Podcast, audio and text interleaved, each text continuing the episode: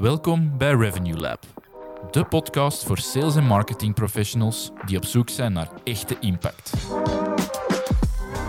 Ik ben Matteo, impact marketeer bij Meteoris. En samen met mijn collega Nico, digitaal strateeg, brengen we elke week concrete strategieën, adviezen en frameworks om je sales- en marketing aanpak te transformeren. Op basis van inzichten uit meer dan 100 cases maken we van jouw organisatie een niet te stoppen marketingmachine. Welkom in ons labo. Oké Nico, leuk dat we hier weer zijn voor een uh, nieuwe aflevering van uh, Revenue Lab. Um, over het, uh, het, vierde beentje van de Meteori-score. Zeker. de inzichten vliegen wel binnen, hè? Ja, ja, ja. ja. We hebben vorige week, denk ik, de eerste dataset geanalyseerd toch wel opvallend, uh, misschien nog wel interessant om te vernoemen, dat de eerste drie categorieën, dus eigenlijk de, de vorige drie afleveringen die we gedaan hebben van Revenue Lab, dat dat momenteel de slechtste categorieën zijn. Mm Allee, slechtste, waar dat de meeste uh, verbeterpunten zijn. Ik vond het wel frappant dat de meeste bedrijven in de set die we nu uh, geanalyseerd hebben, dat die net geslaagd waren, net meer dan 50% halen op die eerste drie. Ja. En dan gaat het over Meridiana, dan gaat het over go-to-market en dan gaat het over know-how, know-why. Um, dus dat was wel verrassend. Ik had niet gedacht dat, uh, dat hem zo, um, dat zo'n uitdaging ging zijn, of dat zo'n zo uh, zo verbeterpunt ging zijn voor die bedrijven die we nu bevraagd hebben. ergens misschien een vermoeden, omdat ja, dat de basis is. Ja. Uh, maar inderdaad, know-how, know-why was zelfs allee, ja, binnen de bevragingen dat we nu doen en de eerste scores dat we nu afnemen, ja, is het net niet gebuist zelfs. Hè. Dus, ja, ja, ja. Dus, maar allee, op, op zich denk ik positief, want de meeste marketingmanagers voor de meeste marketingmanagers was dat geen verrassing. En was dat nogmaals een bevestiging dat ze op het fundament nog iets dieper moesten doorwerken en een prioriteit van moesten maken in 2024. Dus op zich uh, uh, denk ik dat dat uh, een mooie, een mooie aanloper was. Ja. En dan gaan we vandaag naar de ja. vierde pijler verder. degene waar we nu gemiddeld, je hebt het hier openstaan, ik denk ongeveer 60% scoren in een dataset. Ja. Um, en dat is namelijk storytelling. Mm -hmm. Dus heel het idee van je hebt je merk-DNA, je hebt je strategie, je hebt je go-to-market plan zijn we nu wie dat we zijn op een goede manier, uh, die dat resoneert bij klanten, bij ons uh, doelpubliek, aan het doorvertalen in website copy, um, social post, ad creative, alle kleine copy-momenten dat we doen, e-mail. Mm -hmm. um, dus daar, uh, 60%, dat is... Uh, ik was er vroeger heel content mee. Het, is nog ja, niet, ja. het is nog niet een superscore natuurlijk, maar het is er wel door. Maar we willen vandaag eens inzoomen op de drie thema's die dat wij vinden, die dat, ja, vallen onder storytelling. Um, en die ook een beetje de, de, de vragen thematiseren die dat we stellen in zo'n meteoriscore. Hè? Ja. Ja, eh, ik denk overkoepelend zeggen we vaak, uh, als het over storytelling gaat, gaat het vooral over hoe uh, succesvol zijn we om het verhaal van ons bedrijf op een continue manier door te vertalen. Daar komt het eigenlijk hè, in essentie op neer. We hebben dat nu in drie thema's verwerkt. Um, want ja, dat is natuurlijk, en daarom heel bewust komt dat, is misschien nog wel belangrijk om te benoemen, komt dat op de vierde plaats. Omdat als je, hè, we zeggen, hoe succesvol zijde om je, um, om je verhaal door te vertalen naar de markt, uw, uw, uw uniekheid. Ja. ja. als die eerste elementen niet goed zitten, als je niet weet wat dat, u, wat dat uw merk voor staat, wat TNA is van je merk, en je hebt geen goed beeld hoe dat je vandaag naar de markt zou kunnen gaan, en het interne team is ook niet volledig gealineerd, ja, dan wordt dat storytelling vooral heel moeilijk. Hè? En dan ga je verhalen vertellen die totaal niet consistent zijn, die totaal niet in lijn liggen met wie dat je wilt zijn of de perceptie die je, die je wilt overbrengen aan de markt.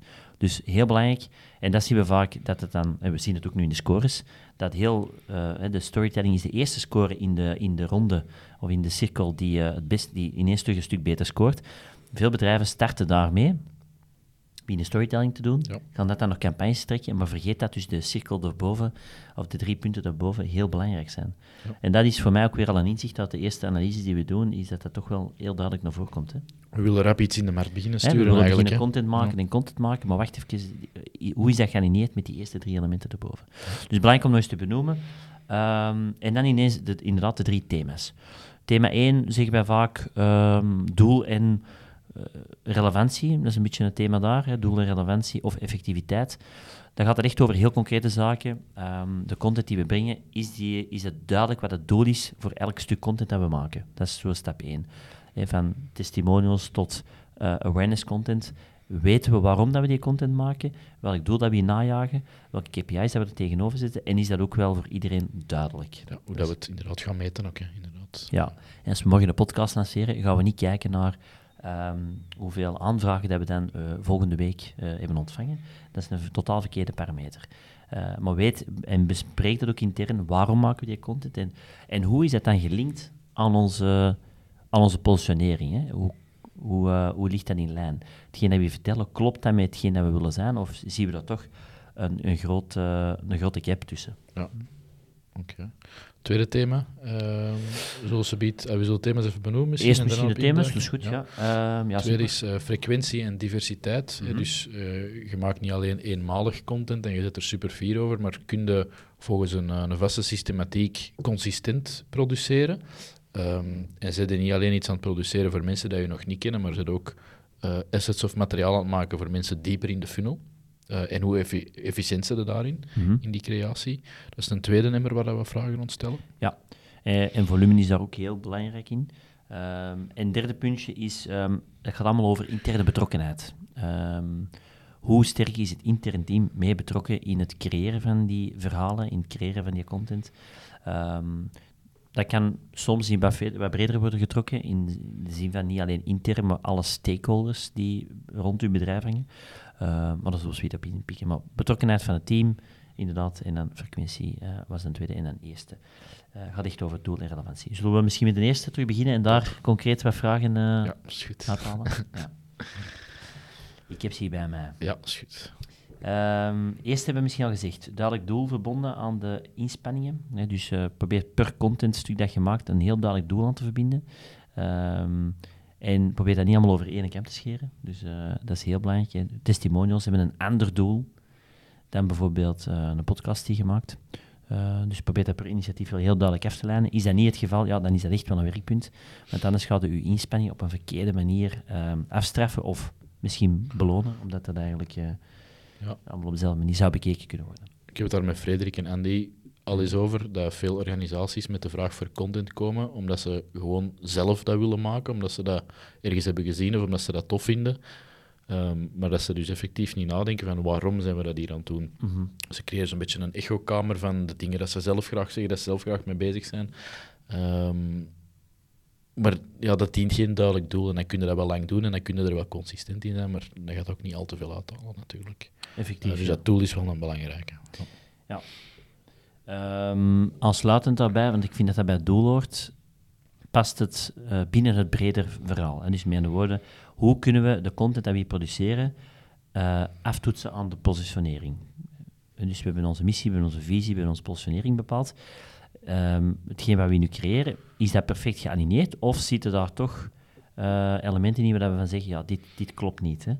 Ehm, bijvoorbeeld, stel dat we een high-end eh, eh, bouwspeler zouden zijn en we eh, maken heel wat content rond promo's of rond, rond bijvoorbeeld prijsoffers, dan kun je de vraag stellen, ligt dat in lijn, dat is nu een heel eenvoudig, simpel voorbeeld, maar ligt dat in lijn met onze positionering? Ehm, misschien niet, of is het misschien te veel door, doorgeslagen en is het, het aandeel dat we dat doen veel te groot in de totaalcontent dat we creëren? Ja, dan moeten we dat, dat even terugtrekken. Of bijvoorbeeld, en, ik dans al 80 afleveringen rond de bedrijfstaan, maar eh, we, Ja. we halen er vaak aan, eh, Ja. vastgoed in Spanje, dat is Azul. Eh, heel die hun ding is veilig en goed geïnformeerd kopen in Spanje. Ja. Heel die hun verhaal of hun content is rond informatiedeling, kennisdeling en vragen oplossen.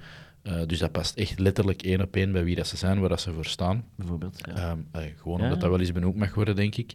Ehm, als zij iets anders zouden doen en ze zouden misschien dingen gaan hoorden of, of op, een ander, op een ander stuk content of op andere assetcreatie inzoomen, dan zou dat minder passen bij waar dat ze voor staan en wat dat ze in de markt willen zetten. Eh, dus dat is wel een belangrijke, daarom dat die eerste stap, dat merk-DNA, zo belangrijk is.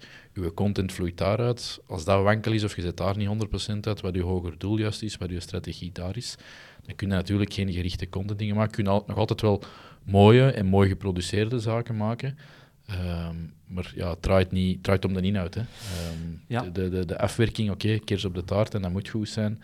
Ehm, maar het, is, het, is, het gaat om de inhoud, hè, wat dat je vertelt, wat dat je brengt en past dat bij wie dat je bent. Ja, en zeker ook, eh, ik vind dat voor de, voor de persoon die de content consumeert, is het anders heel moeilijk om daar eh, een positie op te kleven. Hè. Is het heel moeilijk om te zeggen, ja, waar staat dat merk nu voor als je, dat, als je elk stuk content niet aftoetst tegenover één, één positionering. Hè? Want dan begin je heel wat verschillende vormen van content te creëren, heel veel ehm, invullingen van die content.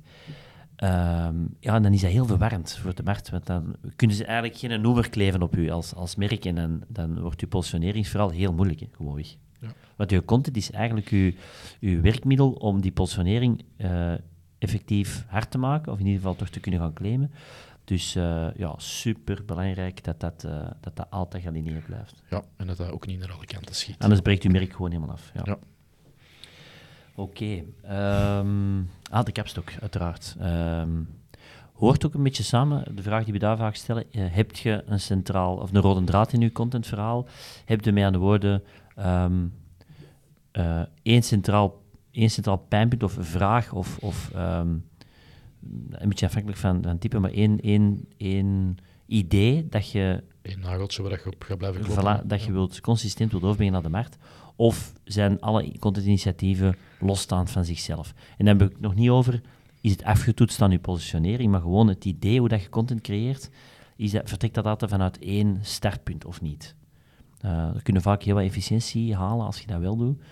Uh, bijvoorbeeld, de podcast hier is een perfect voorbeeld, denk ik. Hè. Wij proberen uh, marketingmanagers te inspireren richting meer impact. Met onze podcast, dat we dan ook op andere kanalen uh, herverpakken, uh, hergebruiken of opnieuw inzetten. Maar het vertrekt altijd vanuit deze ruimte. Um, en dat is ons centraal, hè, dat is ons centraal vertrekpunt. Maar denk daar ook eens over na intern. Hoe, hoe, hoe, is dat bij ons? Hebben we één idee, één, één visie dat we willen overbrengen, dat we in content willen gaan vertalen? Of nee, is dat iets van het team? Ja, hebben we een systeem eigenlijk ook. Hè? Ja. Um, kunnen we met minimale captatie heel veel gaan Ja. spinnen en creëren en in de markt zetten. Ja. Want dat gaat ook je schaalbaarheid bepalen natuurlijk, want je bent als team ook beperkt in middelen, dus uh, je moet ergens slim content creëren om er zoveel mogelijk uit te halen en zoveel mogelijk aandacht te houden. Dus uh, dat systeem ervoor in place hebben is daar een heel belangrijk startpunt voor. Ja. ja. Positioneren consequent over het altijd hebben het over gehad. Um, een belangrijke, denk ik, de volgende. Ja, toch wel. Of dat er effectief in de content dat je maakt, of dat je niet gewoon aan het meanderen en aan het praten bent, Ja. dat er ook ergens een duidelijke actie wordt verwacht langs de andere kant en dat je die ook durft uitspreken. Mhm. Um, Ja, dat niet is- altijd het geval, of heel vaak niet het geval. Nee, nee, nee. nee. En die logische, dus, eh, dat wil zeggen, ik maak content op, op awareness-niveau tot, tot eh, consideratieniveau tot eventueel conversieniveau. Je maakt op drie lagen content, maar probeer in, heb je vandaag inderdaad de reflex om in elke laag van content die je maakt, zowel topfunnel als, als onderkant van de funnel, ehm, om dan een, logische next step te gaan formuleren. En dat hoeft niet altijd eh, een aanvraag te zijn. Hè. Pas op, dus dat is ook een misvatting. Ehm, dat kan even goed zijn dat je zegt in een awareness-fase, de content die we daar creëren, gaan we mensen leiden aan een next step. En dat is bijvoorbeeld een... eh, een eh, Dat kan in ons geval bijvoorbeeld. eh, Je luistert naar de podcast en we willen heel graag dat je onze expertsessie op LinkedIn gaat volgen. ja. Dat is, Dat is even je gaat niet gebeld worden, je gaat niet gecontacteerd worden. Dat is in een awareness-fase een volgende manier om, eens te, om ja, om vertrouwen verder op u te laten komen kijken van hoe dat wij dat aanpakken en, en rond welke topics dat wij, dat wij iets zeggen of waar wij expertise rond hebben. Ja. Ehm, en dat moet niet altijd dus een, een harde CTA zijn van eh, contacteer ons nu of eh, nu is het moment van een offerte aan te vragen. Per laag gaat dat verschillen wat die CTA gaat zijn. Klopt. Maar we moeten wel eentje proberen te definiëren per laag. Ja. En die ook consequent dan weer gebruiken. Zodoende dat voor de persoon aan de andere kant duidelijk is, in, als je die meepakt in je verhaal, dat hem, hij of zij weet hoe, hoe je op een, wat de volgende stap is om samen te werken. Of in ieder geval om elkaar beter te leren kennen, om op, op een gegeven moment natuurlijk tot, eh, tot een project te komen, bijvoorbeeld. Hè. Maar het is er vaak niet. Of als het er is, is het alleen een harde CTA-vragen Ja, of er offerte. Ja, inderdaad. Hè, dus, eh. Hey, Nico hier. Ik hoop dat deze aflevering je waardevol inzichten en inspiratie geeft om meer impact te maken. Moest je exact willen achterhalen hoe matuur je huidige aanpak is, laat dan zeker je Meteoriscore berekenen via onze website meteoris.eu. De Meteoriscore geeft op een objectieve manier weer hoe jouw inspanningen zich verhouden tot organisaties van gelijkaardige grootte en je sector in het algemeen. Het is helemaal gratis en het vertelt je precies welke next steps je moet tackelen en in welke volgorde voor maximale business impact. En nu terug naar de aflevering. En dan misschien nog een laatste gebruikte ehm, testimonials, customer stories, om bijvoorbeeld herkenbaarheid te creëren eh, en beter te resoneren bij een doelgroep, dat die zich herkennen in het probleem dat je zou kunnen oplossen. Dat is een heel eenvoudig om af te vinken, wordt niet, toch nog niet altijd gebruikt, om, dat ze denken van, goh ja, dat is toch evident, uh, mensen kijken daardoor, maar eigenlijk is dat net een bevestiging. Ook al weten we allemaal dat dat bewust opgenomen is en bewust opgevraagd is, maar dat werkt vaak wel in uw, uh, in uw heel verhaal, zeker tot op het einde van de funnel. Dus, voilà, daar inderdaad, hè, wordt inderdaad zelden gebruikt, maar het heeft ook weer een juiste plaats. Hmm. En het is meer op het einde, als mensen dat laatste duwtje nog nodig hebben, dat dat zeer relevant is om te hebben. Yes, dus dat is ja, wat dat doel en relevantie betreft. Uh, een paar vragen onder geclusterd. Ja. We zullen misschien naar de volgende gaan, frequentie en uh, diversiteit van content. Ja, wat ik daar al een interessante vind uh, om aantallen, um, of in de bevraging ook te zien, van content wordt vaak gezien als we gaan twee keer per maand, gaat er iets op de website verschijnen en we mhm. zullen vier social posts doen. Uh, ik denk dat dat de dag van vandaag zeker niet meer genoeg is. Um, dus wordt er, ben je echt effectief elke maand iets nieuws aan het maken onder die capstok, waar dat je 10, 15, 20 afgeleiden van kunt maken, zodat je heel de maand wel zichtbaar kunt zijn en aanwezig kunt zijn. Mm uh, vind ik hier al een belangrijke, dat je frequentie hoog genoeg ligt. Want je gaat gewoon herhaling nodig hebben van hoogstaande kwaliteit om eruit te springen vandaag. Ja, uh, en dat kan alleen maar als je, dat op, als je die structuur hebt. Want als je die structuur niet hebt, dan gaat je verliezen in die workload. Um, en dat gaat er gewoon niet halen. Dan gaat dat ook niet meer rendabel zijn. Hè? Want uiteindelijk moeten we altijd wel kijken, zijn, zijn onze marketinginspanningen ook rendabel op het einde van de rit? Um, dus belangrijk, volume moet omhoog zijn, maar het systeem moet zijn. Ja, en we, stellen daar misschien ook ineens de vraag van, je kunt nieuwe content maken en, en zo benoemen we het nu de hele tijd, maar dat kan ook gaan om herwerkingen of updates. Ja. Um, dus zijn er gewoon op maandbasis zo met content bezig, ofwel op, door nieuwe dingen te maken met een systeem dat je kunt gaan schalen, ofwel door oudere zaken terug van onder het stof te halen en te hergebruiken of te updaten. Heb je iets in place om gewoon ja, je, visie heel, allez, uh, met een hoge frequentie naar buiten te brengen. Mm. Dus het moet niet altijd alleen maar nieuw zijn, hè, dat wil ik er maar zeggen. Um, dat is misschien ook niet voor iedereen haalbaar, maar ja, er is vaak zoveel. Uh, er liggen ergens uh, pdf's uh, stof te vergaren, er zit van alles achter, um, achter formulieren of achter walls op de website. of er zijn misschien ook dingen uitgewerkt die nooit tot bij marketing zijn geraakt. Ja, die een audit dat even in kaart brengen en daar dan slimme dingen mee doen, dat kan ook al helpen. Ja, en ook, um, ik vind ook wel, de, aansluitend daarbij, dus het creëren van en het herhalen. Um, ik merk dat er toch nog vaak uh, de angst is om dingen te hergebruiken. En uh, ik hoor vaak van, ja, maar wacht, we hebben dat al eens gebruikt een half jaar geleden. Uh, en ik begrijp dat, maar ik denk dat iedereen moet, moet beseffen van... de persoon die wij willen bereiken krijgt gigantisch veel prikkels of zie gigantisch veel dingen passeren de kans dat ze dat zelfs nog herinneren is, is bijna onbestaande. Um, dus uh, wij zeggen vaak, ja, je moet toch minstens zes, zeven keer kunnen herhalen om, om iets, hè, om iets te, te laten overbrengen. Um, en voor jezelf uh, klinkt dat misschien altijd als, uh, ja, we zijn, weer aan, we zijn aan het herhalen. Maar omdat je er zelf natuurlijk alleen maar, je zit er zelf heel tijd mee bezig. Dus voor jezelf voelt dat aan als continue herhaling.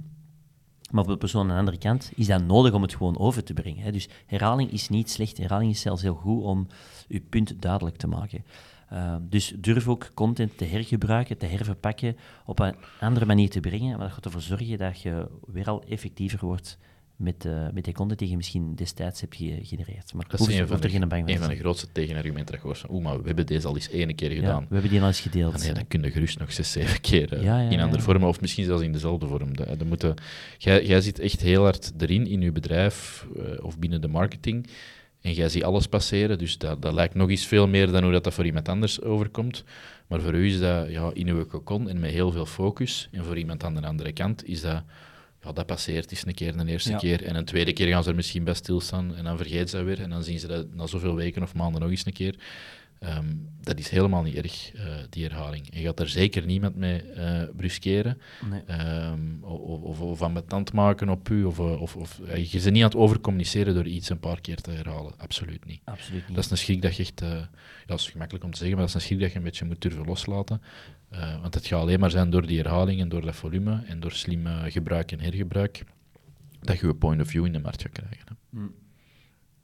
Aansluitend daarbij, uh, los van uh, de herhaling en, en genoegdeling, je maakte vandaag gebruik van nieuwe dragers zoals video en audio. Um, klinkt heel tactisch, maar zegt vaak ook wel iets over uh, hoe schaalbaar dat je je, um, dat je content creatie maakt. En dus die nieuwe dragers, één, die hebben meer aandacht gewoonweg. Dus audio en video is op dit moment hetgeen dat alle aandacht krijgt. Dus als je daar vandaag nog niet mee bezig bent, dan mist je heel veel impact, omdat je gewoonweg uh, merkt dat uh, die andere vormen iets minder over, gemiddeld genomen, hè, want elke case is wel wat anders, maar gemiddeld genomen zien we dat dat overal gewoon weg meer tractie krijgt. Met statisch materiaal ga je tien keer duurder zijn of ga je ja. tien keer meer moeten doen om aandacht te krijgen, ja. 100%. Um, en ook het herverpakken, het hergebruiken van die dingen is ook veel uh, slimmer om dat dan van vanuit video en audio te doen, omdat je dan achteraf veel meer mogelijkheden hebt. Dus het is wel voor het krijgen van aandacht als het daarna hergebruiken van je content, dat het slimmer is om het vaak uh, ineens in die vormen ook mee te pakken. Ja. Um, ah ja, en dan de laatste zijn we socialmatig uh, heel actief of genoeg actief. Daar hebben we het al even over gehad. Um, die frequentie, daar, Matteo, je hebt het er al even op benoemd, um, is die hoog genoeg. Hè? Maar dat kan alleen maar als die eerste elementen natuurlijk uh, goed zitten. Ja. En je weet gewoon, dat, dat, dat kom ik vaak tegen met één of twee verdwaalde social media posts in de maand, die dan vaak nog eens heel commercieel zijn, hmm. gaat er zeker niet door de massa breken. Nee. Oké, dus frequentie, uh, heel belangrijk. En, en uh, ja, in de mate waarop dat je die hebt, kun je gebruiken om die frequentie aan te houden. En dan het uh, laatste punt is alles wat dat met interne betrokkenheid te maken heeft. Um, en ik zeg, wij zeggen wel intern, maar je kunt dat misschien wel wat breder trekken. Hè.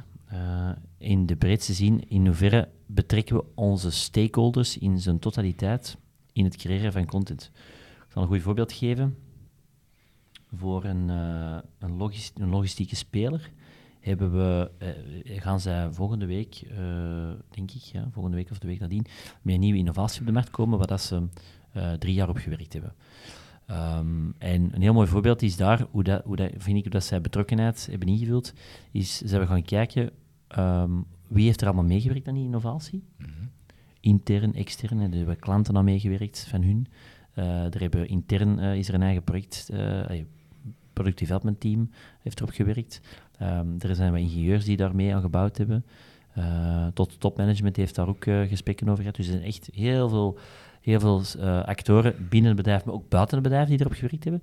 En daar gaan ze nu in een, reeks van, uh, ik denk een zestal um, afleveringen, gaan ze heel het verhaal van die nieuwe innovatie vanuit de verschillende invalshoeken in beeld brengen. dat is denk ik een heel mooi voorbeeld hoe dat ze de stakeholders, intern uiteraard, want uh, denk drie van de zes afleveringen zijn door interne mensen die ermee aan gewerkt hebben, en die een aspect van die innovatie waarom dat die dus beter gaat zijn hè, voor de klanten, gaan toelichten en vooral ook het proces daar naartoe gaan, uh, gaan uitleggen. Dat vind ik een heel mooi voorbeeld hoe dat je die skills en uh, eigenlijk heel dat proces op een heel uh, relevante manier kunt brengen.